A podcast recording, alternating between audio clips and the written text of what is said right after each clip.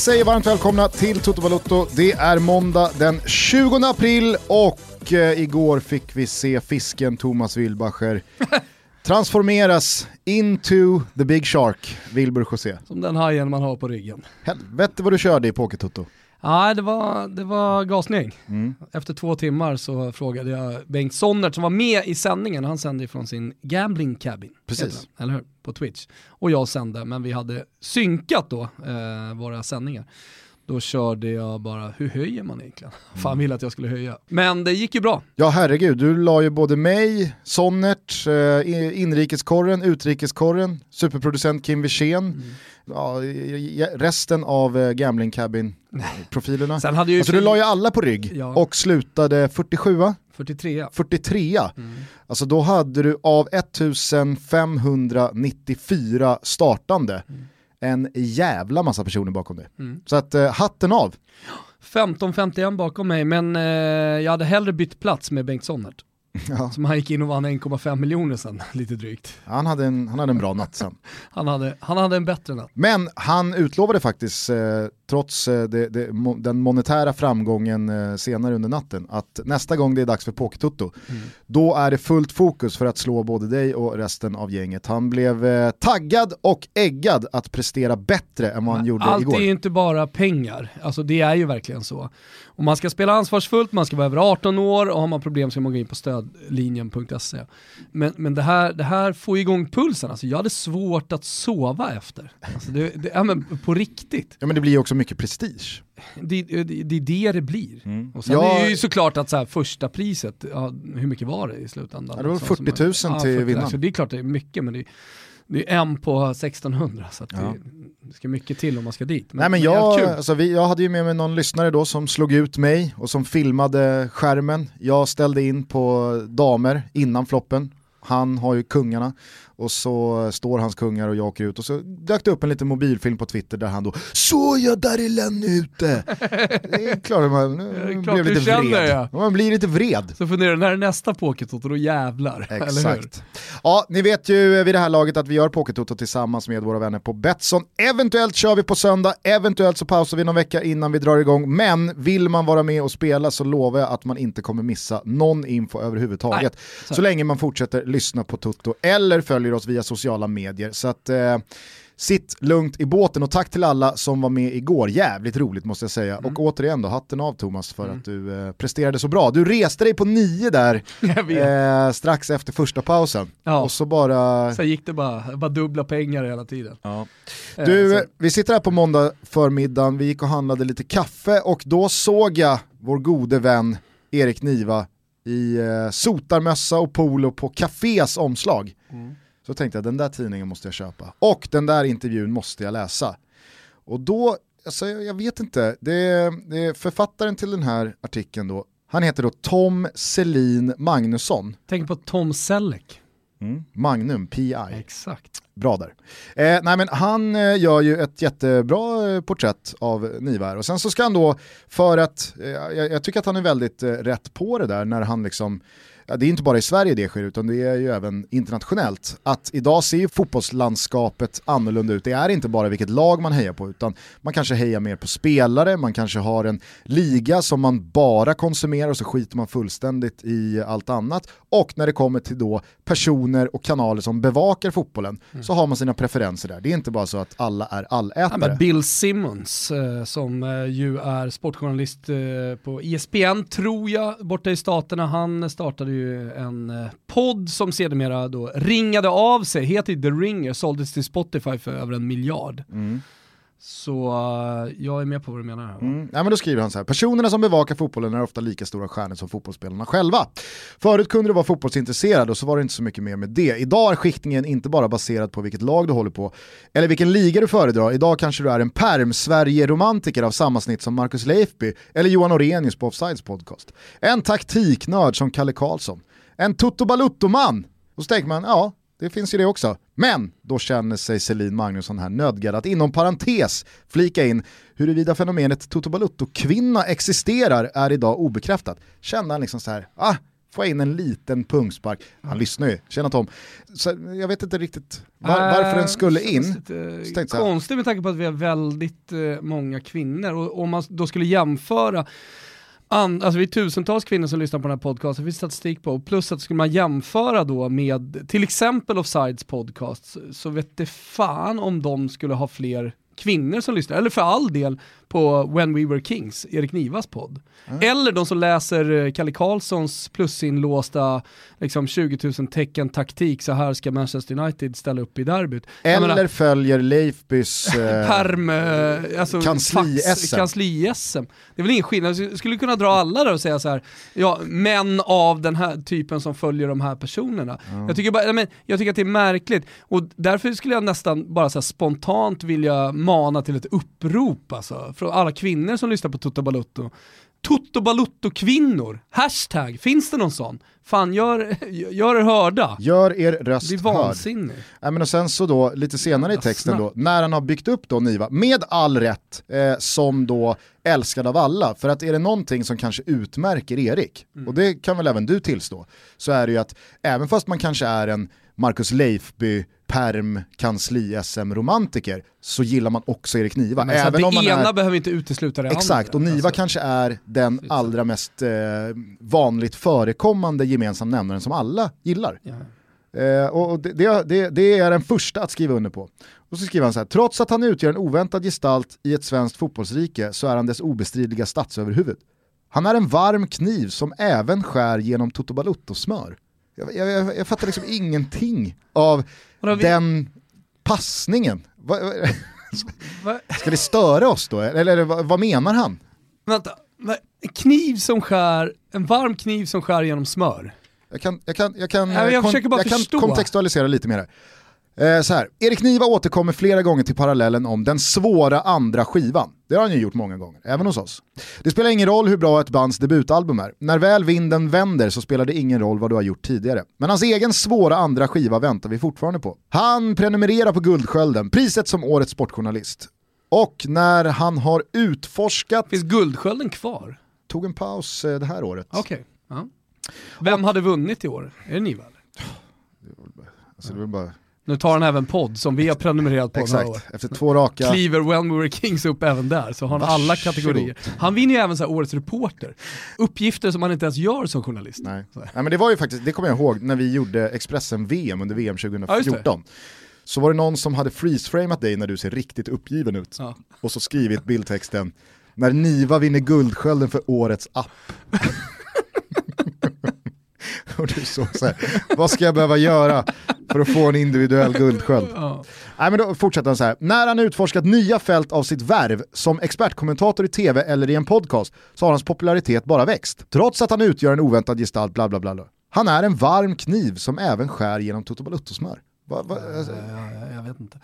Jag har ingen aning, vi ska inte fastna där i alla fall. Vi har jävligt Nej, mycket att se fram emot. Man känner sig vitaliserad av att Tom Selin Magnusson uppenbarligen har ett litet horn i sidan ja. och Tutto.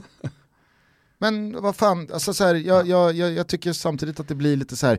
okej okay, första passningen, men det där, vad är det för jävla hang-up? Hörru, det har hänt en jävla massa i fotbollsvärlden. Plus att jag har en special som kommer lite senare Gusten, Never Forget som jag har gjort om lite. Mm. Det blir intressant att testa det på den. Ska vi bara dra en kort liten uppdatering datummässigt? För det har ju faktiskt börjat slängas eh, en hel del datum senaste dagarna runt i luften. Mm. Vad gäller svensk del, så pratar ju eh, förbundet, Karl-Erik Nilsson och så vidare, att ambitionen är allsvenskt spel 15 juni mm. eh, och att kuppen ska avgöras innan dess. Mm. Och då får man väl anta att man städar av kvartarna, semin och finalen ja, på två veckor från göra. första juni och framåt.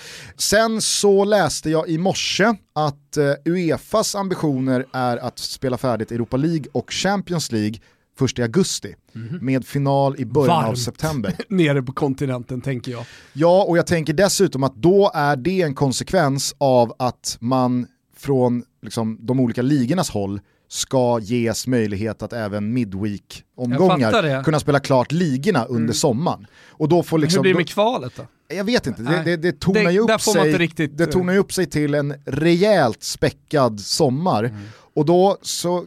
Alltså, Kanske lottar kvalet, då har den svenska lagen möjlighet att ta sig in. Ja, men det faller sig väldigt då eh, rimligt att anta att alltså, nästa säsong givetvis kommer skjutas på till, ja men säg säsongstart slutet på september då, mm. eller något. Och det blir inte. ju tufft då såklart med tanke på att det är ett EM-år. Exakt, då blir 21 ett EM-år och man ska mm. spela EM 12 juni, alltså måste ligorna vara färdigspelade i slutet på maj. Helvete vad det sitter arkitekter och ritar på det här.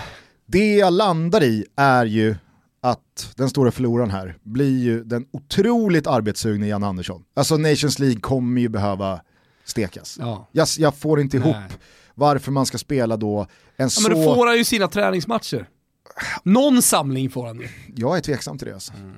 Alltså in, hösten 20 är jag tveksam till att det blir något landslagsspel överhuvudtaget. Ja, det är möjligt att det inte blir. Och sen så undrar jag så här, är den här tiden det som spelarna och lagen får som vila och semester? AIK sa ju det till exempel, att deras sommarledighet, det gav de spelarna nu. Mm. Och alltså så här, då är ändå det ur ett svenskt perspektiv, alltså de, de stora drakarna, mm. de ländernas eh, ligalag, där blir det ju liksom, okej okay, vi ska spela klart en ligasäsong med ett komprimerat spelschema under de varmaste sommarmånaderna. För att sen då bara liksom veckan kan, efter, det, då Kan en, en äh, åldrande Sebastian Larsson gå direkt efter en hel säsong, direkt efter ett mästerskap som, som säsongen följde upp, rätt in i allsvenskan, fortsätta då hela vägen äh, året runt, då kan alla. Kanske. Eller i och för sig, då kan alla låter ju som att han är vek, det är han ju inte. Men jag menar, det, det, det går ju. Sen så får man nog tänka till eh, i fysstaber, hur tränar vi? Och sen kommer det säkert inte vara samma frenetiska tempo. Vi kommer nog få se en hel del märkliga resultat skulle jag kunna tänka mig. Med tanke på de olika, alltså så här, man, man toppar formen olika, man läser den här situationen lite olika i de olika klubbarna. Ja, och som Vilket du och jag, gör då att Ja, och som du och jag har varit inne på tidigare också, alltså det blir ju någonting annat med, alltså vet, nu vet jag att det finns eh, en rad andra länder med samma klimat, men det kanske inte är på samma fotbollsmässiga nivå.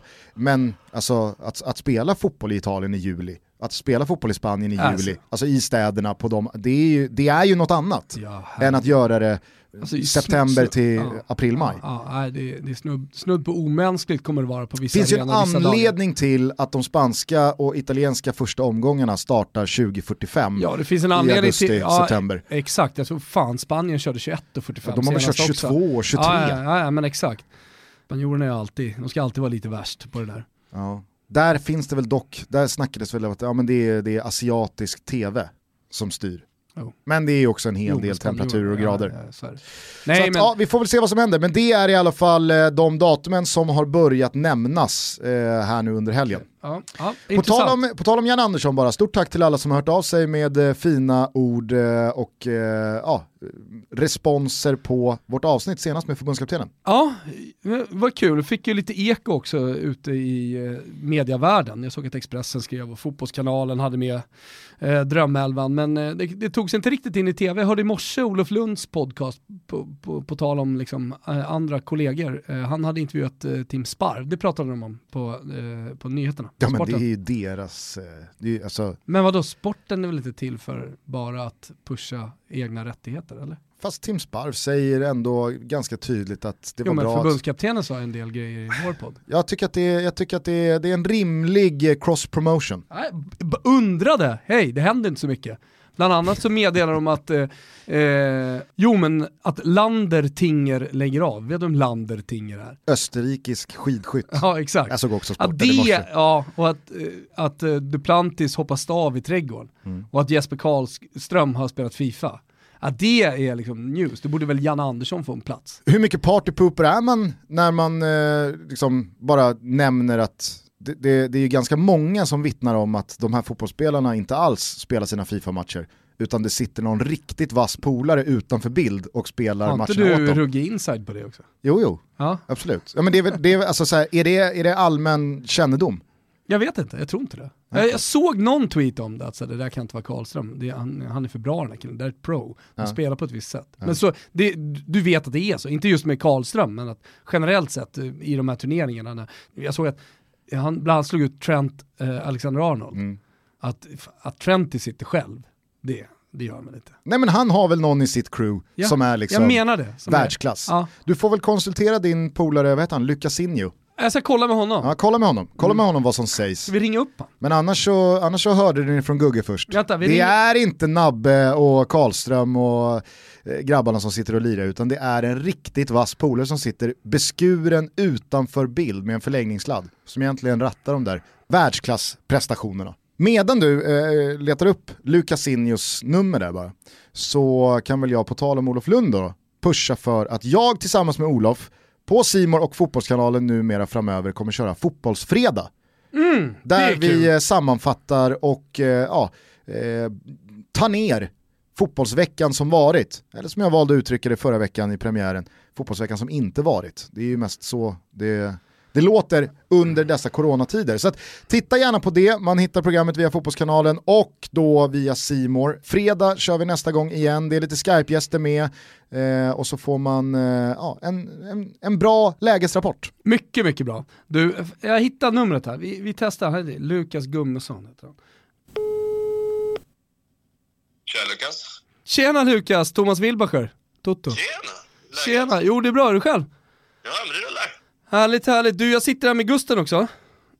Ja. Eh, vi sitter och funderar och på lite det här med Jesper Karlström och Nabbe. Det blev ju världens succé eh, igår på sociala medier och sånt där. Eller hur? Ja. Ja, men, eh, vi- har en teori om att, eh, eh, att de inte spelar själva, att det sitter någon bredvid. Och då tänkte vi så här, men vem ska vi ringa upp för att få det här bekräftat? Eh, då, och då, då kunde du inte komma på något bättre än att ringa upp till Lucasinho. Alltså det är väl inte bara en teori, det är starka källor på att det, Starka källor, vad är det då? då? Nej, vi har starka källor på att det inte är de som spelar. Har du hört talas om det här fenomenet eller? Nej, jag, jag vet i alla fall att Nabbe spelar. Det är jag hundra på. Okej. Vadå, satt du bredvid? Nej, nej, Det var inte gjorde du som spelade Nabbe? Nej, nej, nej. Jag sitter och streamar det, men jag intervjuar ju Nabbe och allting precis innan. Men det var inte jag som spelade, det kan jag garantera. Det var Nabbe. Ja, jag är rätt säker på att det var Nabbe, ja. Men Karlström, eh, du och jag som aik han kanske, kanske fuskar lite. Alltså, Nabbe sa ju att Karlström är helt jävla värdelös, så att, eh, ja, det låter lite fishy. Jag undrar, var nivån på Fifan som spelades, var det världsklass?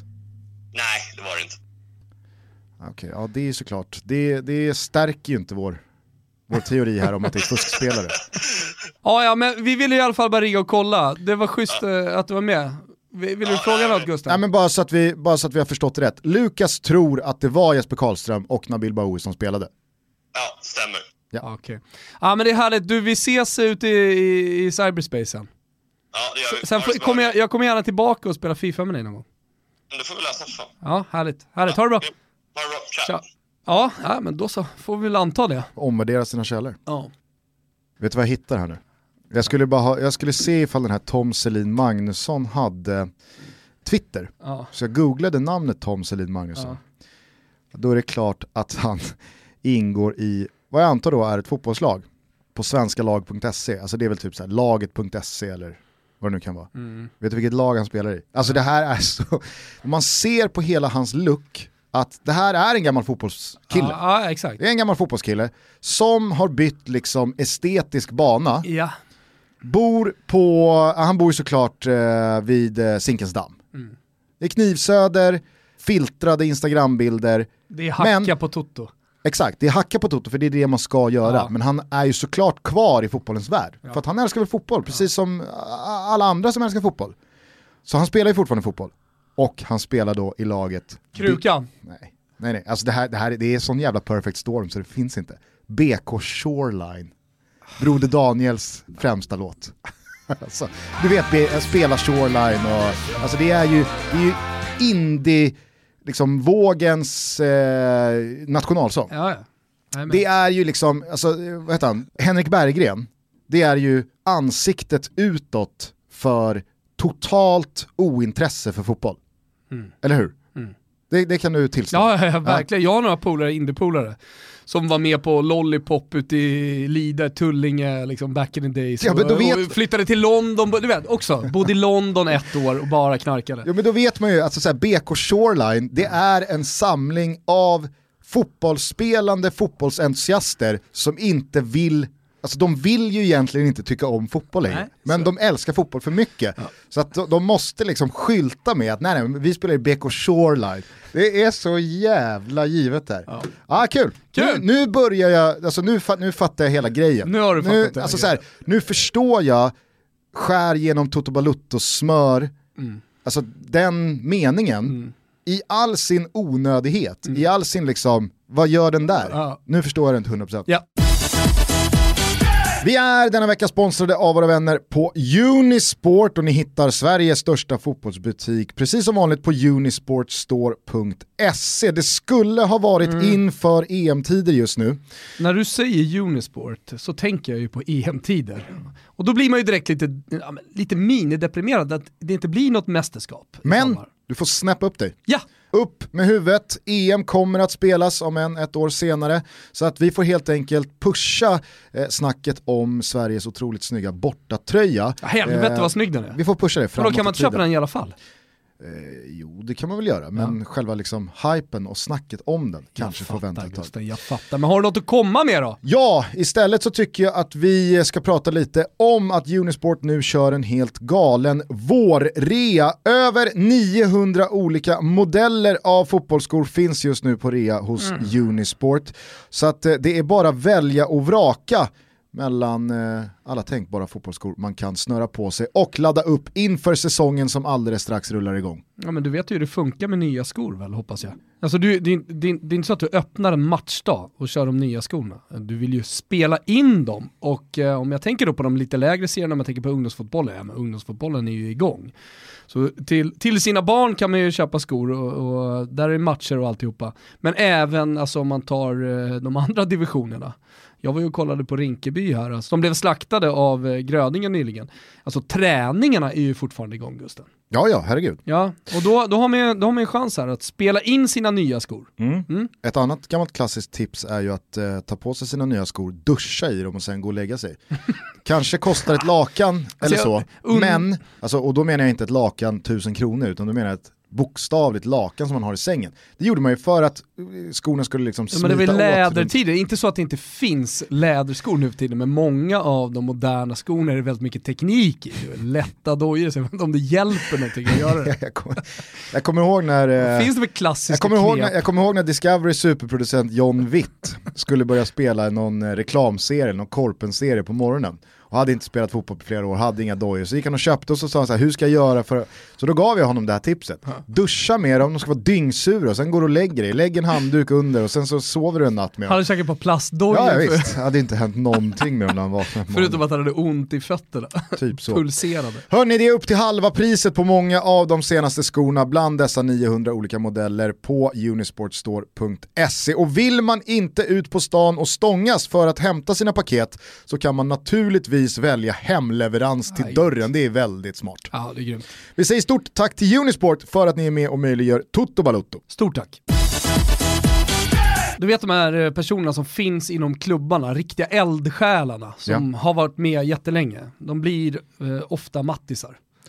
Alltså det finns ju några... Säger du mattisar? Jag kan säga det, jag gör inte alltid det. Materialare, Jo, men alltså, mattisar. man säger väl matris? Nej, jag säger mattis. Mattis? Ja. Som namnet, Mattis. Ja, det är möjligt att jag Som gör pappan det. i Skilda det världar. kan vara så att jag helt har missat det här. Och så att Ja. jag gått igenom hela livet och sagt fel då. Det, har- det känns du- som det nu. Det känns som det nu. Alltså om jag säger så här, ja men det, det är matrisen. Tycker du det låter bättre eller låter det helt orimligt jämfört med, Det är, han, det är han mattisen. Nej, det låter bättre. Men jag säger Mattis. Okej, ja, Ja men det kommer ju bilder nu på Bayerns eh, matris, biten. biten, Mm. eh, som hängde med Zlatan. Jag tänker mig att de går bra ihop, de går bra ihop med alla. Absolut. Napolis eh, matris, han är ju också sådär som går bra ihop med alla. Roma, han, hade, Roma hade ju en eh, i en. 40-50 år som gick bort och då var det ju liksom, alltså Totti och De Rossi och det, det var ju begravning. Fiorentina hade han som, är, som kallas för 007. Just det. Mm. Men Eh, jag ska bara säga det, det här är för finsmakarna i Bayernleden. Alltså biten, eh, han verkar ju superuppskattad och älskad. Du, du, du kanske har sett, eh, sett eh, när Bayern firar segern så kör ju han, han kör någon sån här luftmotorcykel i omklädningsrummet. Han står och gasar igång den. Och sen åker han, springer han fram och tillbaka i omklädningsrummet och som att han kör en motorcykel. Eh, och, och, och, jag, jag kan inte riktigt liksom säga när det skiftade, men eldsjälen och liksom matrisarnas matris i Bayern, det var ju Börje, Mhm. innan, alltså pre-beaten. Det är liksom, det är Adam min, Nilsson, är han min, är militant kring biten kontra Börje. B- Biten är ingen. Nej, nej, alltså biten är fortfarande ingen jämfört med Börje. Nej, okej. Du tar jag på mig en rejäl ja, jag Bajenhatt och Jag säger att det är så, men det, det vågar Men det är jag också nog, viktigt att jag nog försvara påstå. sina matrisar. Jag, jag såg Lofo, en polare till mig. Ska jag bara säga det på Börje, det var han som tryckte fel namn på Jeffrey Aubyn Ah, och skrev Aibun. och sen så, liksom, så fick han ju skit för det. Sitter på en egen transferpress på kansliet. Ja men han skulle trycka namnet, eh, Jeffrey Aubyn hade signat, eller vad det nu var, bytt nummer, vad fan. och så blev det Aibun, Mm. och så fick Börje massa skit och han liksom så här, han tyckte att det var orättvist. Ja. Loffo hur som helst, jag såg den när bilden kom ut, då skulle han såklart in och, och markera då mot, eh, mot biten och menar på att Matte Lundholm, för övrigt en Rönninge-kille, min gamla tränare som var Mattis förra året i, i Djurgården, minsann var bättre. Mm. Ja. Så att eh, man håller, alltså det jag vill säga med det, det är ju att man håller sina, sina mattisar eh, varmt och hjärtat. Ja, och då kan man ju jag, tänka sig jag, att man... jag har två otroliga matrisar från Spånga-tiden. Alltså. Ja. Alltså, nej men det är... Det är Jo men det har väl alla, jag har Kenta Persson, jo, men Perssons farsa, otrolig Mattis. bara- Lite sur hela tiden. bara något år... Helvete nu har ni inte vänt upp, eh, ut och in, eller nu är strumporna ut och in, alltså hela det där. Ja. Nej, vi hade, alltså, bara något år innan jag kom upp i Spångas A-lag, då hette matrisen där, jag tror han hette Bengt. Ja, Bengt hette han. Han i alla fall, han var alkoholist, eller i alla fall nykter alkoholist tror jag. Mm. Och sen så dagen innan eh, som A-laget skulle åka på träningsläger till Barcelona en vecka, så tar han, eh, tar tar ett återfall, återfall. eller så tar han bara en virre som blir sen två, som blir Ah. tre. Så att på Arlanda dagen efter så är alla där utom Bengt och inget material för att han har däckat i bollrummet och du vet bollpumpen, den elektriska, zzz, ligger bara och surrar. Så de hittar honom först på förmiddagen. Och då är planet gått så att hela A-lagets eh, träningsläger blev liksom, inga västar, Blev- inga koner. Komma senare eller? Ja, alltså, ja exakt, det, Ja. Han, han åkte väl ner men det blir Gick det bra för honom sen då? Det här var lite, det var lite sorgligt. Jo men det, det gick bra. Det, det löste sig. Sen, löser då, sig sen då under hela min tid så hade vi Roffe. Ja. Alltså han var, han var fantastisk. Dels var det han som bestämde matchtiden för Spånga. På den nivån, division 2, division 3, då kan ju liksom lagen, vi vill spela våra hemmamatcher antingen lördag eller söndag. Putte Ramberg till exempel, när jag gick till Bele sen, han hade som hemmamatchtid söndag 17.30. Alla hatade det, men det var för att Putte skulle kunna vara på landet fredag, lördag och sen hela söndag kunna städa av innan Otroligt. de åkte hem.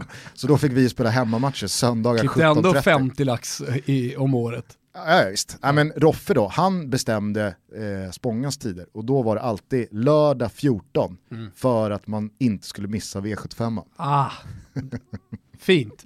Eh, det jag skulle säga vi- Kenta Persson, en gång så blev, eh, blev eh, Roffe, Roffe Rondell, Mm. kallades för Roffe Rondell, vår tränare, för att han alltid vände som en, alltså runt. Han körde 360 grader. Spelade central mitt och så kom någon och så liksom täcka bollen med kroppen så körde han runt, så han blev Roffe Rondell. Ja. Hade för övrigt sprungit spåret på 3 km på 5.30 påstod han. Alltså, vi hade ju en kille i vårt lag, 3 Ambjörn km på Paulsen. 5.30. Ja, ja. Du vet såhär, det är snabbare än alla i hela världen. Nej, det... Baklänges tror jag han hade gjort det också. Ja. Eh, men någon gång så kängade han till så flaskbacken gick sönder och flög flaskor och Kenta Persson blev vansinnig och sa köp nytt, väldigt osympatiskt. Annars gillar Roffe är min coach. Jag måste bara säga det, jag kom att tänka på de gamla stötare i Spånga. Det fanns en lagläkare som hette... att han... Är det här för internt? Nej absolut inte, det här är otroligt Ja. roligt. Eh, han hette Krille Karamell. Han hette Christer någonting. Får mig osökt att tänka på när Anders Limpar var här och bara slängde sig med Ja, gamla- nej men gamla- eh, eh, Krille Karamell i alla fall, han var lagläkare i Spånga tidigt 00-tal. Och sen så i en match så tror jag att det är en spelare som heter Degen som gjorde, eh, han gjorde någon säsong i Cesena. Aha. Kommer fan inte ihåg vad han hette alltså, eh, i fullständigt namn, men han kallades för Degen. Gjorde ett år i Cesena, vill jag minnas. Tidigt 90-tal eller sent 80-tal, jag vet inte, någonstans där i alla fall. Hur som helst, han får då en sån jävla stämpling så att han bryter stortån. Okej. Krille Karamell kommer in, spelarna samlas runt, Degen ligger bara och skriker. Krille Karamell, han liksom, jag vet inte, på något sätt ska han liksom eh, spjälka upp tån så att han måste dra den till rätta, men det gör så jävla ont så att han måste bedöva den. Då ser alltså, och det här har jag fått bekräftat, jag var ju inte på plan, jag var inte Nej. med, men Isak, min brorsa, han var där. Ja. Alltså så här, det här är 100% sant. Så, Karamell trycker i bedövningssprutan, men trycker ut den på andra sidan stortån. Och trycker ut liksom vätskan så att vätskan bara går i en st- stråle ut på gräs. Och degen ligger och vrider sig i smärtor. Och Krille Karamell redan ont så får han en jävla nål genom tån. genom tån. Och så trycker han ut bedövningsvätskan på andra sidan tån. Så jag degen, så jag. Ta det lugnt, ta det lugnt. Krille Karamell. Ah, herregud. Var var vi någonstans? Eh, jo, du var på någon, eh, Ja, just det. kan jag tänka mig italiensk? Eh, spansk. Spansk. Spansk eldsjäl får man ju verkligen säga. Alltså, jag, vill, jag ville bara landa i honom kort för att Andres Perales, jag förstår att ingen vet vem det är, han är då en Malaga-eldsjäl och sitter just nu i karantän inuti La Rosaleda, som stadion heter i Mal- Malaga. Eh, och det är väl ingen konstig grej det, eh, kan man tycka. Alltså, han, han, är väl, han trivs väl där, tänker jag. Men det jag fastade vid, det var vad han har gjort då som eldsjäl. Känn på det här, den här Andalusien. Han har alltså varit målvakt, han har varit eh, busschaffis, han har varit eh, planskötare, han har varit eh, planchef eller arenachef. Sen har han också varit säkerhetschef och eh, massör. Han måste, han måste väl också ha varit kassör. Det är, det är liksom, Kassör kommer inte upp här. Den han klass, har- de- klassiska liksom, sidosåsen och så är han kassör. Ja, han, han, de, har, de har byggt något litet hem åt han där.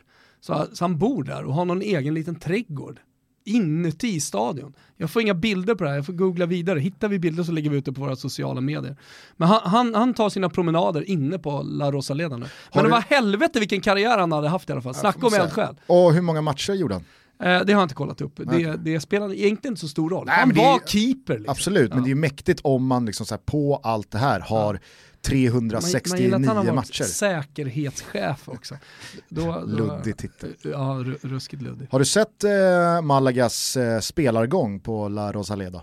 Ja, absolut. Du har sett det här, liksom, kör, kör man bredspektra-missilen modern konst? Alltså de har ju målat Malagas... span, span, alltså, spanjorerna är ju bäst i världen Ja. på modern konst. Ja, alltså, åk exakt. till Valencia så går du i Gamla stan med kullersten och alltihopa så åker Ja, man men jag ner tänker så här, Salvador till Dalí. Rio Grande och där, där är liksom, ja. Ja. där är ju Salvador Dalí. Exakt. I byggnaden är ju som att han har ritat dem. Jag vet, men jag tänker så här, kommer Salvador Dalí Konsttoto är inte starkt. Nej, jag vet, det här är uselt. Jag undrar bara, kommer modern konst alltid benämnas som modern konst? Eller blir liksom, det som var modern konst, eh, Blir fem, omodern 50 konst? år Nej. från nu, Nej, nej. Det är modern konst.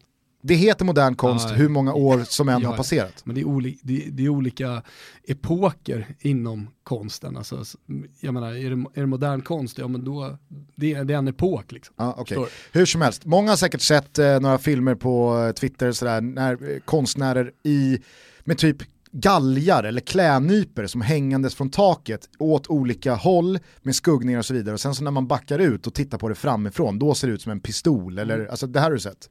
Ja. Så ser ju Malagas spelargång ut. Om någon sitter inne på den här videon så får ni gärna skicka in den så kan vi retweeta den eller lägga ut den på vår Instagram. När man då är ute vid planen Mm. och tittar in i spelargången, då ser väggen ut som Malagas klubbmärke. Mm. Men när man går längs väggen så är det bara vita och blåa streck. Alltså det är jävligt fett. Mm. Är Typiskt spanskt. väldigt eh, typiskt spanskt känns det som. Modern konst. Mm. Vi är sponsrade av übermäktiga Randstad. Världsledande vad gäller vägledning kring ditt arbetsliv. Om det så handlar om att byta bana, är allt, att Gustav. nå ett jobb, Det är allt. att få liksom eh, en eh, optimering Mm. av sitt yrkesliv. Man blickar framåt, man funderar på sin karriär, vart vill man någonstans? Ja men då går man in på Randstad. Man kanske inte har något jobb just nu, ja då går man in på Randstad. Man kanske precis har pluggat, man kanske precis håller på och tar examen, ja men då går man in på Randstad. Man kanske vill ha ett sommarjobb, ja var fan går man in då någonstans då Gusten? Randstad.se Ja. Enkelt. Stort tack till Randstad för att ni är med och möjliggör Toto Balotto. Stort tack. Nu har vi varit igång ett par veckor med våra Never Forget-spelare. Mm. Och sen så kan vi väl vara så pass transparenta då att vi parallellt med det här, eller du har ju haft den här idén på bordet i två år, mm. sen så kom When We Were Kings, du trycktes ner lite i skorna, jag försökte liksom... Men alltså egentligen så gjorde jag ju inte det. Utan det är ju bara att jag inte riktigt För effekts skull så kan du väl säga... Nej, men det, snarare så gav det mig eh, lite eld i baken. Ja. Så att jag liksom började komma igång. Ni som har varit med och lyssnat på Toto länge, ni vet att Thomas har pratat om att så här, fan man ska göra små nuggets eh, avsnitt om när Gaddafi skulle in i den mm. italienska fotbollen och när vi pratade om Gunnar Säffle Andersson för något halvår sedan så var ju du inne på, ah, fan det är exakt sånt man ska göra, en kvart om Gunnar Säffle och så mm. vidare. Sen så kom When We Were Kings och sen så har jag liksom eh, ur ett mer humoristiskt perspektiv eh, försökt eh, och, pusha fram det här från dig. Du har sagt det kommer, det kommer, det kommer. Och sen så har vi då parallellt utanför Never Forget eh, snickrat och putsat och slipat lite på en, eh, en alternativ Toto-podd som eh, vi har eh, bollat lite fram och tillbaka med, ska vi köra den, ska den ligga någon annanstans och så vidare. Men nu har det blivit som en, eh, eh en fusion mellan då eh, Toto Balutto, Never Forget och det här externa projektet. Mm. Eh, så ta vid. Nej, men jag, jag, jag, gillar ju Never Forget och tycker att det är roligt. Det är roligt att sitta och prata med dig om gamla spelare. Eh, men jag tänker att Never Forget det kan ju även vara andra fotbollshistorier också. Mm. Eh, men bara för att hålla oss lite inom genren så att säga och så som vi har byggt upp det, mallen ska jag väl nästan säga, och ramarna. Eh, så, så tänker jag att jag ska berätta historien precis som om vi satt här och gjorde Never Forget som vi har gjort tidigare. Mm. Men, men jag tog lite hjälp av Kim Wirsén. Mm. Och sen så proddar vi upp det lite och så tänker jag berätta historien nu för dig om Andres Escobar. Och den känner ju de flesta till. Men jag tänker att det ändå kanske kan vara lite mysigt eh, för de yngre eller för de som har glömt bort eh, hur historien egentligen var med Andres Escobar. Vem var han för dig till exempel? Nej men han är ju självmålet som kostar ett människoliv. Ja exakt, och vi kan och, väl kalla det här för det. Och, och, och det är inga problem med att säga heller. Det är han bara för mig. Ja. Så du vet ingenting om storyn eh, eller liksom vad, vad som hände? Och... Det man vet är ju typ att det, ja, det var någon som spelade mm. och att det var maffia och sådär. Ja, men jag säger bara att jag, Colombia. jag vet ju mer om självmålet och mordet mm. än vad jag vet om Andres Escobars ja, karriär. Liksom. Ja, och, men det, det, finns en del att veta i alla fall och jag tänker eh, friska upp ditt minne mm. kanske lite och, och berätta lite mer. Eh, så du kan väl bara luta dig tillbaka, eh, och det kan väl ni lyssnare göra också. Så berättar jag då om självmålet som kostade ett eh, människoliv. Och så har vi jackat upp det i form av då att tidigare Never Forget-spelare så har vi kanske tagit hjälp av ja, men lite stats, lite siffror, mm. några nedslag som är värda att berätta. Men här blir det lite mer manusskrivet. Det blir vad det blir helt enkelt Gusten, så får vi se vad... Jaha, du hade tänkt att så här, kanske inte hörs. Det kanske inte hörs att det här är skrivet. Äh, nej, absolut. Men, men, eh, men eh, det är så här vi tänker Never Forget. Eh, som kan bli en podcast som sedermera rullar på små berättelser från fotbollsvärlden. Eh, vi börjar helt enkelt med Andres Escobar. Lutar du tillbaka nu Gustav?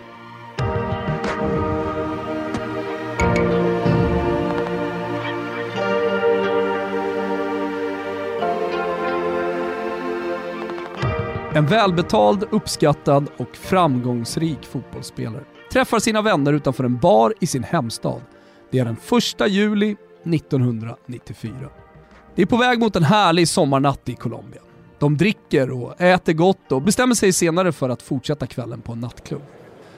Det blir, som det så många gånger blir, ett mer och mer spretigt gäng allt eftersom kvällen flyter på och helt plötsligt är fotbollsspelaren ensam i sin bil på parkeringen utanför klubben. Han har blivit trakasserad tidigare och upplever stämningen som allt mer hotfull. En pickup rullar upp bakom bilen och ut kliver två män samtidigt som de osäkrar sina revolvrar. Ett snabbt meningsutbyte tar plats innan en av männen avlossar sex snabba skott i följd där han efter vart och ett av skotten skriker “Goal!” för att sedan snabbt lämna platsen i sin bil och låta fotbollsspelaren dö på parkeringen. Fotbollsspelaren hette Andres Escobar. Nu har det ju gått så pass lång tid sedan det så romantiserade fotbolls-VM 1994 att en hel ny generation, kanske till och med två, idag är vuxna människor utan någon som helst relation till det mästerskapet. Vilket kanske framförallt vi andra minns genom SVTs ännu mer romantiserade VM-krönika. Den mätta dagen, den är aldrig störst. Den bästa dagen är en dag av törst. Visst vet de vem Thomas Brolin är? Kanske sett Thomas Ravelli ha trångt skrevparti i Let's Dance och förstått att Henrik Larsson, Henke, var med redan då. Och så har väl alla skrålat med till GES. Men de har ju helt vuxit upp utan insikten att Oleg Salenko gör fem mål mot Kamerun. Maradona, ja den Maradona åker fast för doping och Alexi Lalas har tidernas fulaste bockskägg. Men att prata, analysera och gotta sig runt VM 94 har ju dock gjorts till leda. Men sällan blir väl en spelare och en historia en sån tydlig markör för vilket årtionde man föddes på. För väldigt få födda över 2000 har ingen som helst aning om vem Andres Escobar egentligen var. Man kanske gör en snabb koppling till Pablo Escobar.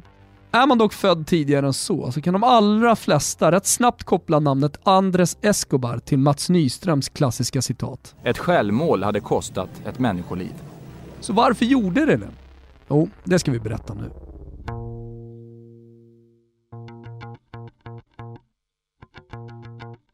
Andres Escobar föddes 1967 i Medellin i Colombia. Hans pappa hade jobbat på bank men startade senare en organisation som hjälpte unga pojkar bort från gatan och familjen hade det, med colombianska mått mätt, relativt gott ställt.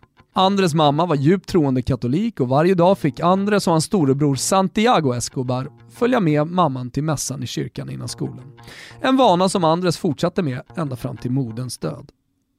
Ihop med sin bror och vänner i kvarteret upptog fotbollen sedan mer och mer tid av Andres fritid.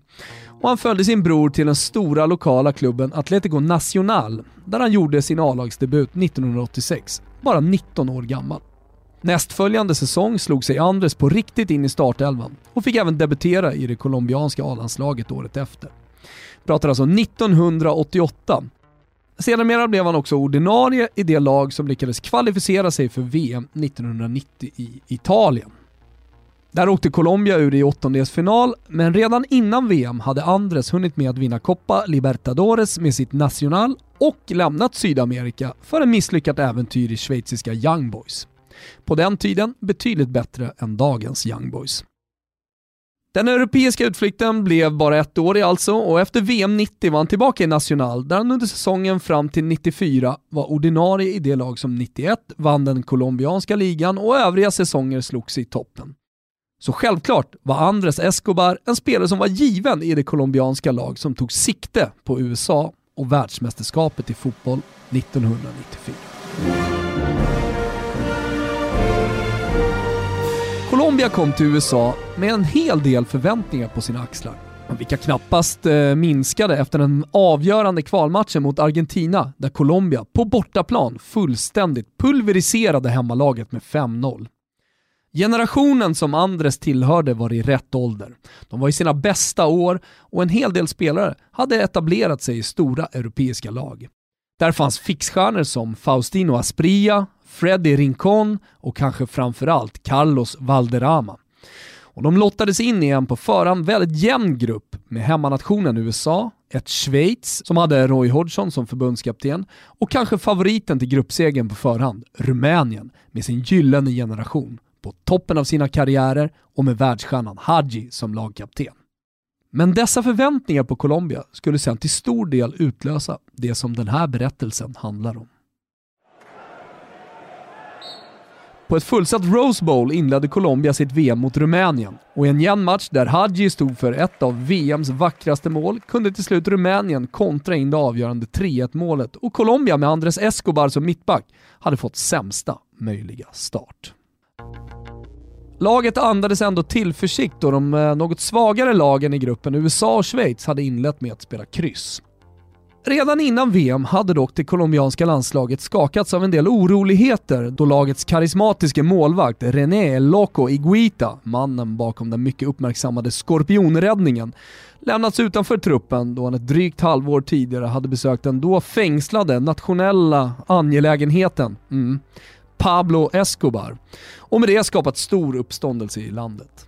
För att förstå det rätt drastiska beslutet måste man sätta tillståndet i Colombia ett lite större perspektiv under åren i mitten av 90-talet.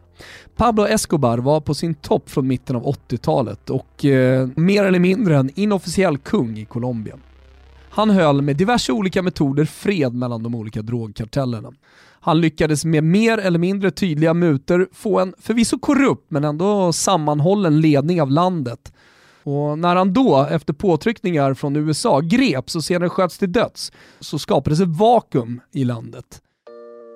Karteller började tävla om makten, en eh, sönderkorrupt ledning av landet där alla ändå visste vad som gällde stod helt plötsligt handfallna och tillståndet kan mest liknas vid ett kaos.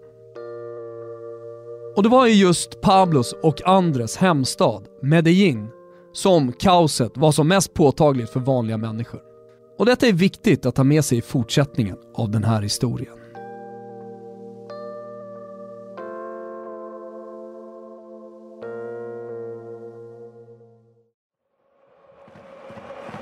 I andra omgången av VM väntade då USA för Andres Escobars Colombia. Det colombianska laget försökte både internt och mot fans och media gjuta hopp och betona vikten av att nu väntar de på pappret svagare lagen. Så det här gruppspelet skulle de nog kunna ordna upp ändå. Sanningen var dock en eh, annan. Hela truppen hade på olika sätt och i olika skalor fått ta emot dödshot. Bland annat hade en hackare lyckats ta sig in på tv-apparaterna i rummen på hotellet där laget bodde. Och som hälsningsmeddelande på skärmen meddelat att det är nog bra att ni vinner nästa match.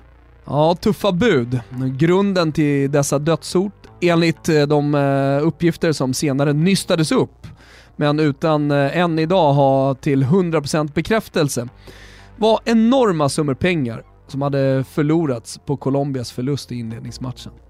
Och de som hade förlorat var stora spelsyndikat med starka kopplingar till de drogkarteller som vid denna tidpunkt låg i dödliga strider med varandra om makten i landet. Så oavsett den lugna fasaden och den tillförsikt laget signalerade utåt låg det någonting helt annat och bubblade under ytan.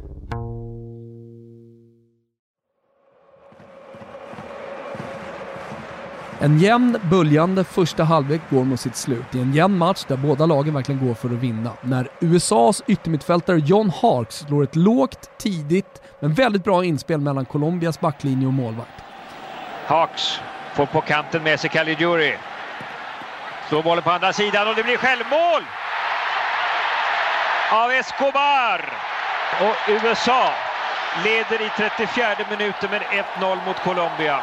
Träffen blir klockren, den colombianska målvakten har lämnat sin position och de båda kan bara hjälplöst se på hur bollen går i mål. Samtidigt i Medellin ser Andres nioåriga systerson matchen på TV och säger till sin mamma direkt efter självmålet “Mamma, nu kommer de döda Andres”. Mamma försöker lugna sin son, men klumpen i hennes mage vägrar att försvinna. Colombia repar mod i halvtid, trots 0-1 underläge, och går ut för att försöka vända på steken i andra. När Ernie Stewart dock gör 2-0 på en retur tidigt i den andra halvleken går luften ur det internt hårt pressade colombianska laget. Ramos som pingnar till mycket och där är Stewart! Och där är det 2-0! Med hjälp av sin hemmapublik dödar USA sen bara ner matchen och Colombias tröstmål i slutet är mest av akademisk betydelse. Dödshoten runt laget eskalerar och att ett skärrat Colombia lyckas slå Schweiz i sista gruppspelsomgången är nog mer en produkt av att Schweiz checkat ut och fokuserar på den kommande åttondelen än att själva insatsen av Colombia är särskilt mycket bättre än tidigare. Andres Escobar åker hem en del lagkamrater samlar ihop sig och drar till Las Vegas för att glömma, på det sättet man ofta kan göra i Las Vegas. Men Andres, som tidigt i sin karriär fick smeknamnet El Gentleman, vill hellre åka hem till Medellin för att vara med nära och kära. Han håller låg profil fram till den kvällen som vi inledde den här berättelsen med. Dagen efter Andres död är ett paradoxalt tillstånd som Colombia vaknar till. Alla har sin egen spekulation om mordet, men de allra flesta är knappast förvånade. Tillståndet i landet i kombination med Andres förödande självmål skapar en känsla av att ja, det är väl klart att det här hände. Minst förvånad är nog Andres lilla systerson. Men är det verkligen så lätt? De officiella förklaringarna och juridiska fakta vill ju bekräfta att precis det folk tror var exakt det som hände. De nya makthungriga drogkartellerna i vakuumet efter Pablo Escobar hade via olika spelsyndikat förlorat enorma pengar på Colombias fiasko. Andres utses till syndabock och kartellerna avrättar honom som bestraffning. Framförallt utmålas en eh, Medellin-kartell ledd av två bröder vid namn Gajon som skyldiga. Deras torped Umberto Castro Muñez, som eh, vittnen placerat på parkeringen, blir även dömd för mordet till 43 års fängelse, men släpps efter bara 11 år bakom galler. Hela utredningen är dock kantad av frågetecken och många samstämmiga uppgifter talar för att Gajon-bröderna lyckades muta domstolen med enorma summor pengar för att enbart fokusera på torpeden Munez och helt enkelt glömma bort de riktiga ansvariga. Att Munez även släpps efter bara en fjärdedel av sitt straff minskar inte direkt misstankarna. Sedan kan vi väl, utan att vara fördomsfulla, konstatera att stämpling till mord inte är den brottsrubricering som vare sig före eller efter mordet på Andres Escobar har varit den mest efterlevda brottsrubriceringen i just Colombia. Detta blev den allmänt accepterade förklaringen och världen rasade. Det relativt nya styret i Colombia kunde rida på den uppmärksamhet mordet och efterspelet skapade och genom detta genomföra en hel del nya reformer som började ta landet ifrån det kaos som hade uppstått efter Pablo Escobars död. En fruktansvärd tragedi som i förlängningen ändå kanske förde med sig något gott. På senare tid har nämligen en helt annan bild framkommit från både trovärdiga och samstämmiga uppgifter som menar att bakgrunden till mordet är en helt annan. De menar att Andres redan på klubben hade hamnat i en dispyt med de nämnda Gajonbröderna. Kanske om en nota, kanske om en kvinna, kanske helt enkelt bara en oskyldig och slumpmässig knuff. Hur som helst hade en från början liten dispyt eskalerat och i brödernas megalomaniska tillstånd efter att ha bidragit till Pablo Escobars fall och med deras nyvunna makt tålde de helt enkelt inte att någon sa emot dem eller ens pratade med dem. Och när de då märkte att det var hela landets syndabock som de inlett ett gruff med hade saker rätt snabbt hamnat i nedförsbacke och mynnat ut i uppgörelsen på parkeringsplatsen. Vad som egentligen låg bakom avrättningen av Andres Escobar kommer vi nog aldrig få veta. Men det man kan konstatera är att det nog med råga är det mest uppmärksammade dödsfallet genom fotbollshistorien.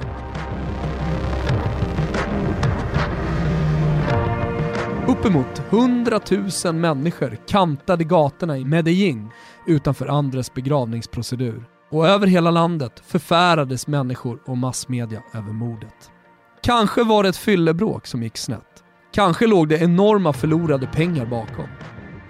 Och kanske var det då, precis som Mats Nyström sa, ett självmål som kostade ett människoliv.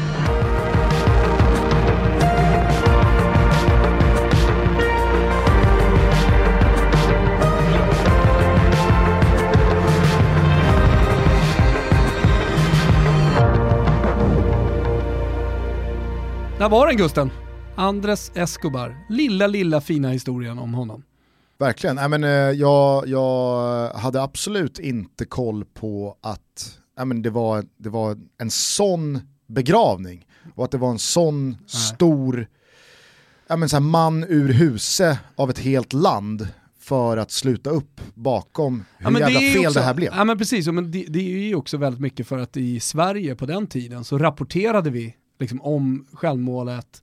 Eh, det fanns inte riktigt, alltså, på den tiden innan pre-internet så, så gick det inte heller att söka upp speciellt mycket. Och jag så tror det var att... så att du kunde hitta ett reportage från colombiansk tv. Och vad var det då begränsad till? Jo, det var begränsad till att kolla på Sportnytt. Ja, och jag tror att för mig, som för väldigt många andra som lyssnar på det här, mm. så är det som har etsat sig fast kring Andres Escobars självmål och mordet på honom, det är vad som finns om det i VM 94-krönikan. Exakt. Alltså, jag, jag kommer inte ihåg något aktuellt eller rapport från 94. Nej. Det är, alltså jag var fem år då. Mm. Och, och, och sen dess så har det aldrig pratats om i något Nej, annat sammanhang Överhuvudtaget egentligen. Nej, i, i brett så att säga. Mer. Sen kan man ju alltid söka upp, eh, det finns ju artiklar i The Guardian eller eh, längre Jo men jag pratar ur ett dokument som har skrivits av... medieperspektiv. Nej liksom. men exakt, exakt. Nej men vad kul då att du, du fick någonting nytt tycker jag. Mm. Eh, innebär det här då att det är så här vi går vidare eller väljer vi att avvakta våra lyssnares eh, reaktioner? Nej, jag tycker då? vi avvaktar våra lyssnare, det gör vi alltid. Se, se vad de tycker om det här, om det är någonting som vi kan fortsätta med. Att du och jag pratar upp någonting och sen så berättar vi historien för varandra och sen så kanske vi snackar ner det lite grann, en, en, en historia. Och sen när fotbollen väl kommer igång, vilken den kommer göra, så kan ju Never Forget eh, rulla vidare som en egen eh, liten podd på en 20 minuter som kan vara trevlig när man sitter, jag tänker, inte bara när man är på väg från, till och från jobbet som många är när man lyssnar på podd, eh, utan även man tar en liten lång skit på jobbet, sitter kvar, lyssnar klart och så kommer man ut i kaffemaskinen och så liksom, du, visste du det här om Andres Escobar? Så är man lite mer påläst än eh, kollegan va? Är du med? Tar vi upp kampen här med Niva? Oh nej! Det är någonting annat och det förstår ju alla som lyssnar på det här också. Jag skojar bara. Ja, nej, jag men- jag men sitter här och tittar nej, på jag tror- omslaget när han sitter. Jag alltså, vet, jag sitter, jag sitter och kollar på så, så små ler, flinar gör han där och tänker så här, ja, kom med er lilla kvartpodd här, Ja. era små never forget, så gör jag en och en halv timme om Bruneis landslag 1953 Vet du vad han nämner och också? pissar på er! Vet du vad han nämner? I, Eran jävla hö grabbiga podd. vet du vad han, Nej, ni, ni vad gillar oss. Vet du vad han nämner i intervjun? Nej. Eh, When We Were Kings är hittills en 3 plus-podd med ett 3 plus-genomförande som dock har fått ett 5 plus-mottagande. Så han, han ligger ju inte ens på högsta växeln än. Nej, han gör inte det. Helt otroligt. Nej, Nej men det, det här är någonting annat. Det här är en liten 20-minutare, lyssna på, det kan vara lite mysigt. Jag tänkte citera eh, Rocky Balboas fru Adrian där. Adrian! Eh, Rocky 4. När, Adrian! nej, men, eh, då har ju Apollo Creed fått spö av eh, Ivan Drago, eh, avlidit och då bestämmer sig Fan vad tung, alltså filmhistoriens kanske tyngsta död. Är det det? Kommer något annat då? Steven kanske. Seagal när han föll ur eh, dockningen av, av passagerarflygplanet efter 10 minuter, den är tung i mitt hjärta, men det har jag berättat om. Jag tycker att det är mörkt när eh, Mickey, alltså Rockys tränare, dör. Det är nästan, det är nästan jobbigare död än Apollo Creed. Men, men jag, tycker, Burgess Meredith jag, jag tycker, spelar Mickey. annars är de jobbigaste Carl dödade... Weather spelar Apollo Creed. Ja, Jag, vet, ja. jag kan ju min Sylvester Stallone, det vet du. Ja. Men annars tycker jag det är jobbigt när man vet att personen ska dö. Och så, och så dör personen. Alltså jag, jag kommer ihåg jag grät när John Travolta dog i den här filmen när han blir, vad fan heter han? Han blir liksom, Jag har sett två John Travolta-filmer. Ja, Det är Grease, Grease. och Pulp Fiction. nej men sluta, har du inte sett den här? När han får egentligen, han Är får han, med i, hjärntumör. är han med i The Italian Job? Filmtutto är... Jo, men filmtoto är starkt. Är- är det det? Nej, Men vad fan heter filmen? Han får en hjärntumör, men det som händer med honom är att den här hjärntumören triggar hans hjärna. Liksom. Trycker, så han, han, blir, han blir ett geni. Från att vara en vanlig snubbe blir han ett übergeni. Luktar Och är inte, det nio- under luktar hela inte 9,0 på IMDB Ja, men det är en bra film, jag lovar dig. Och han, han liksom, det blir bara mer och mer, han blir produktiv, alltså allt ifrån att typ odla eget vin på trädgården, han odlar någonting annat, jag, vet, jag kommer inte ihåg vad det var, till att liksom räkna ut ekvationer, komma typ på Nej, men till, typ att forska fram en medicin mot corona. Alltså, är du med på vad jag menar? Han blir, han, blir, han blir ett universalgeni och sen i slutet då ska de forska på honom, man kommer på att han har en hjärntumör, fan vilken spoiler det här var nu.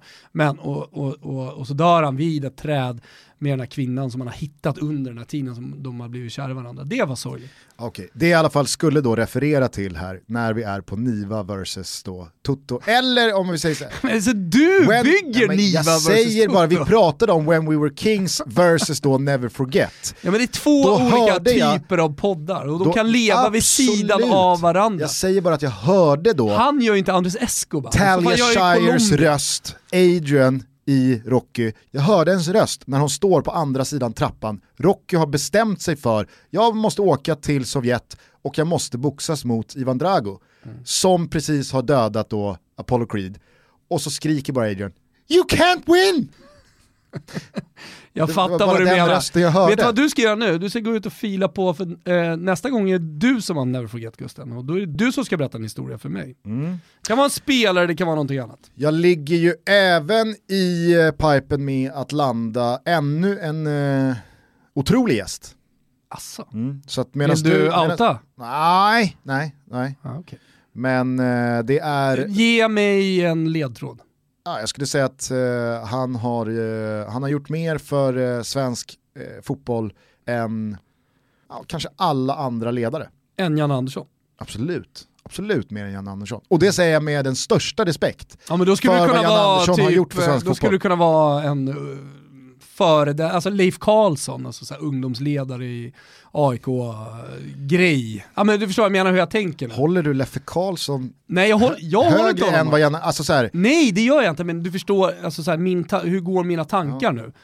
Jag skulle säga så eller så är det ju... Vi pratar om en ledare som har inspirerat, influerat eh, och eh, påverkat Svensk fotboll. majoriteten av ledarna som är aktiva idag inom svensk fotboll. Och jag skulle vilja även påstå att han har haft extremt många duktiga fotbollsspelare under sig och jag tror inte en enda har ett ont ord att säga om honom. Spännande. Mm. Spännande. Du, på tal om 94, när vi pratar om Andres Escobar, så kan vi väl bara avsluta kort med det här som blev en grej när SVT visade matchen mot Kamerun. Mm.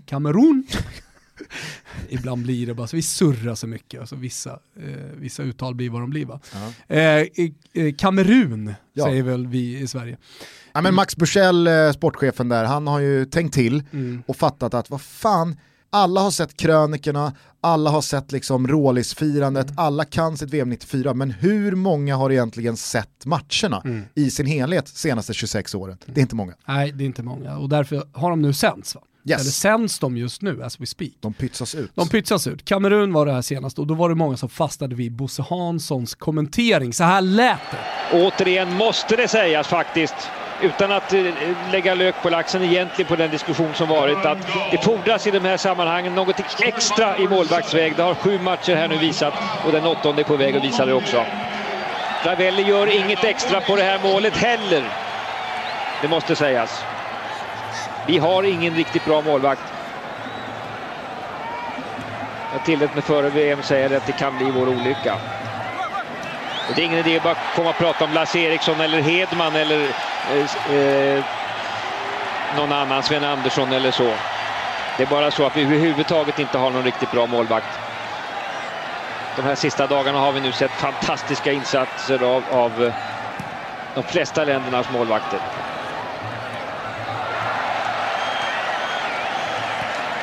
Men när målvakten sviktar, som Colombias gjorde igår och som Ravelli har gjort idag, då är man ett förlorande lag. Målvakterna har blivit viktigare och viktigare i fotbollen och aldrig har de varit så viktiga som i detta VM. Det visar redan dessa åtta matcher som varit bara. Prödom i Belgien. Stilea i Rumänien.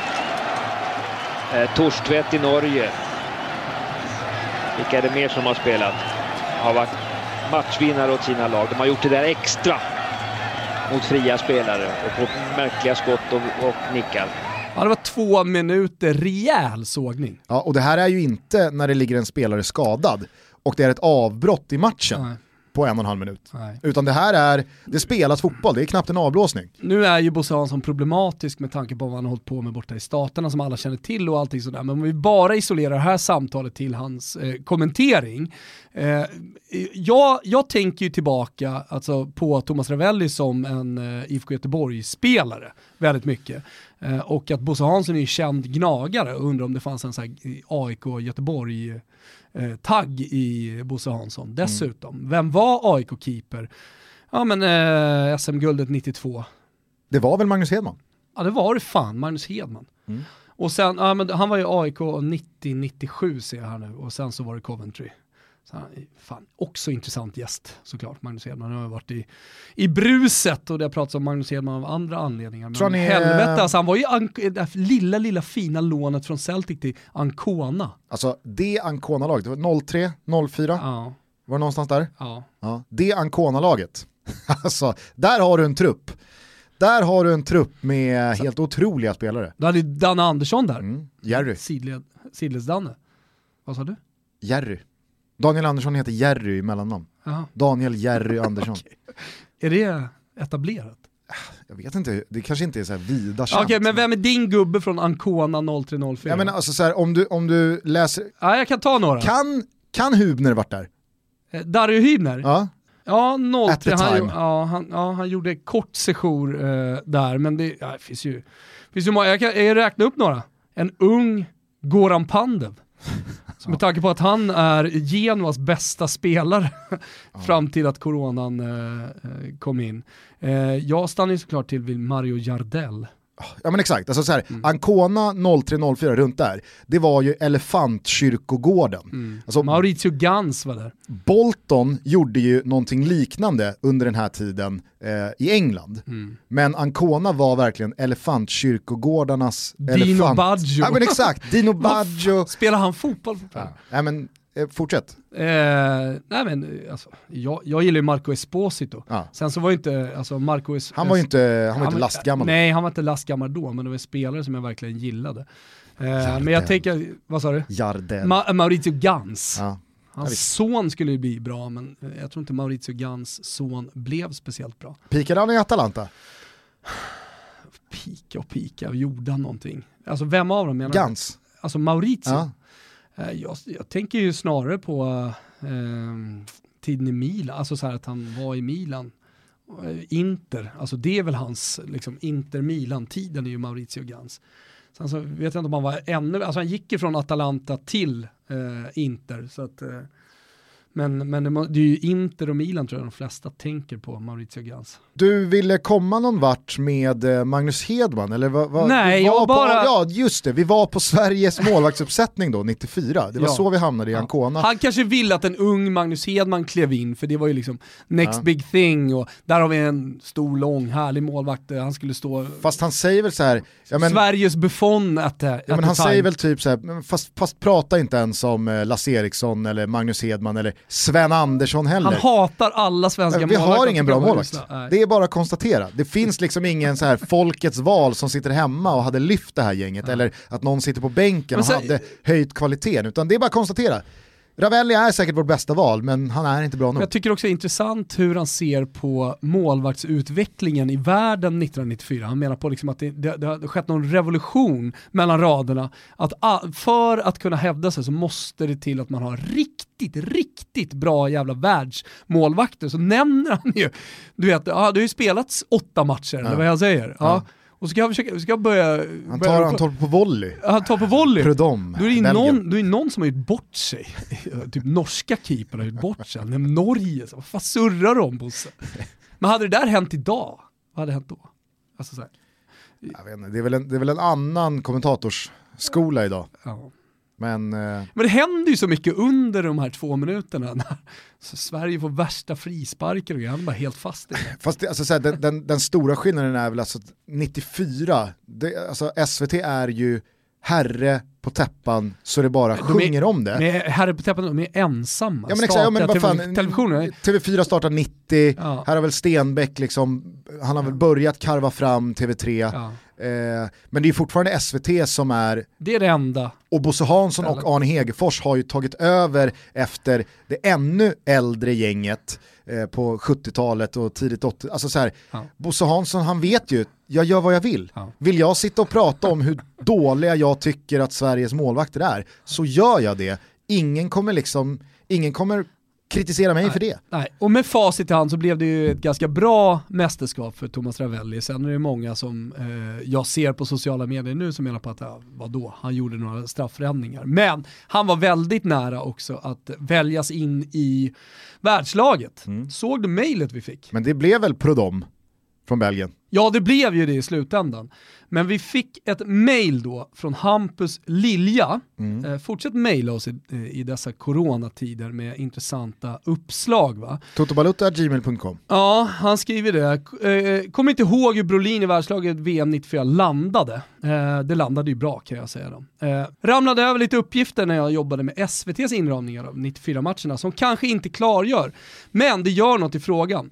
Det på den bifogande bilden är alltså TTs brådskande telegram, det är ju stora grejer, brådskande telegram, till SVT gällande världslaget från 94. Det här telegrammet kommer även att visas i sin helhet under en av de här sändningarna.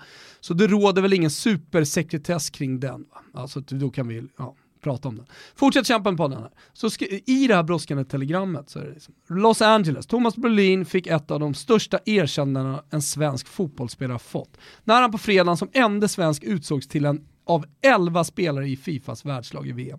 Det var ytterst nära att ännu en svensk fick plats, men målvakten Thomas Ravelli fick stå åt sidan för belgaren Michel Prodom.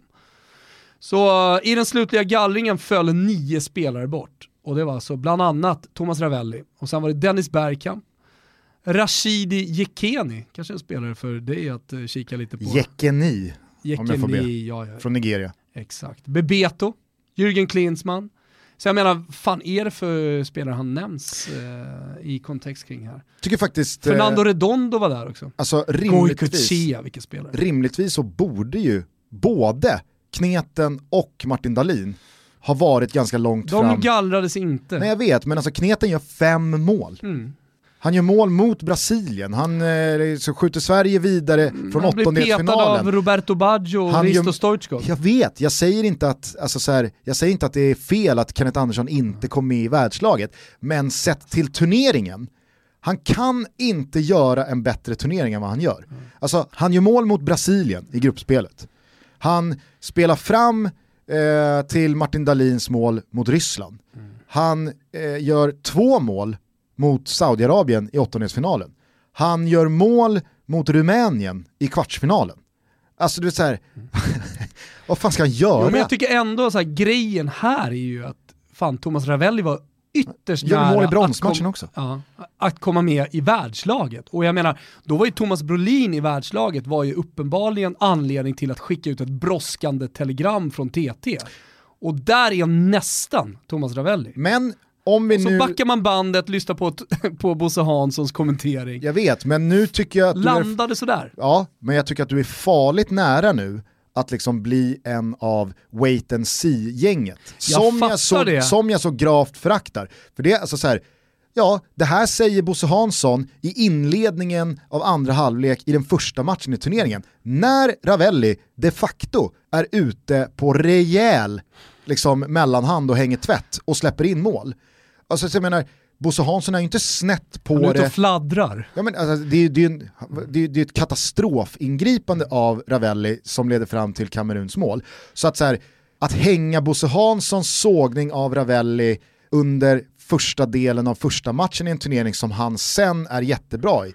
Det blir lite så här med facit i hand så är det lätt att ha rätt och då är det lätt att hacka ner. Mm. Vad fan? Jo, jag fattar och jag är, jag är med dig man ska inte sitta där i efterhand. Men i och med att vi pratar om Bosse Hansson så tyckte jag att det här mejlet från Lilja var intressant. För mm. jag tror inte att det har tagits upp tidigare att Thomas Ravelli var ytterst nära att komma med i världslaget. Och just också för att förstå hur stort det var med Thomas Brolin in i världslaget. Det här med att det är en av de största erkännande, eh, kännandena en fotbollsspelare, svensk fotbollsspelare kan få. Det var jävligt mäktigt. Ja, mm. mäktigt, absolut. Eh, hörni, jag tycker att vi... Är det Brolin som ska in i podden? Nej, han var, du låter mer som en ledare. Ja. ja. ja. Så är det. Men Brolin får väldigt gärna komma och gästa oss. Ska ja. jaga tag i honom. Mm. Vi får se om det blir den här veckan, det blir en annan vecka. Fortsätt lyssna på Toto Balutto, Tjej-Toto Gör er hörda för fan. Verkligen. Eh, vi stänger ner veckans första avsnitt. Vi hörs snart igen, eventuellt då med en dundermäktig gäst. Annars så kommer han vad det lider slå sig ner i studion. Eh, nu tycker jag att vi spelar Shoreline. Okej, okay. ah. kör. Ciao tutti! Ciao tutti.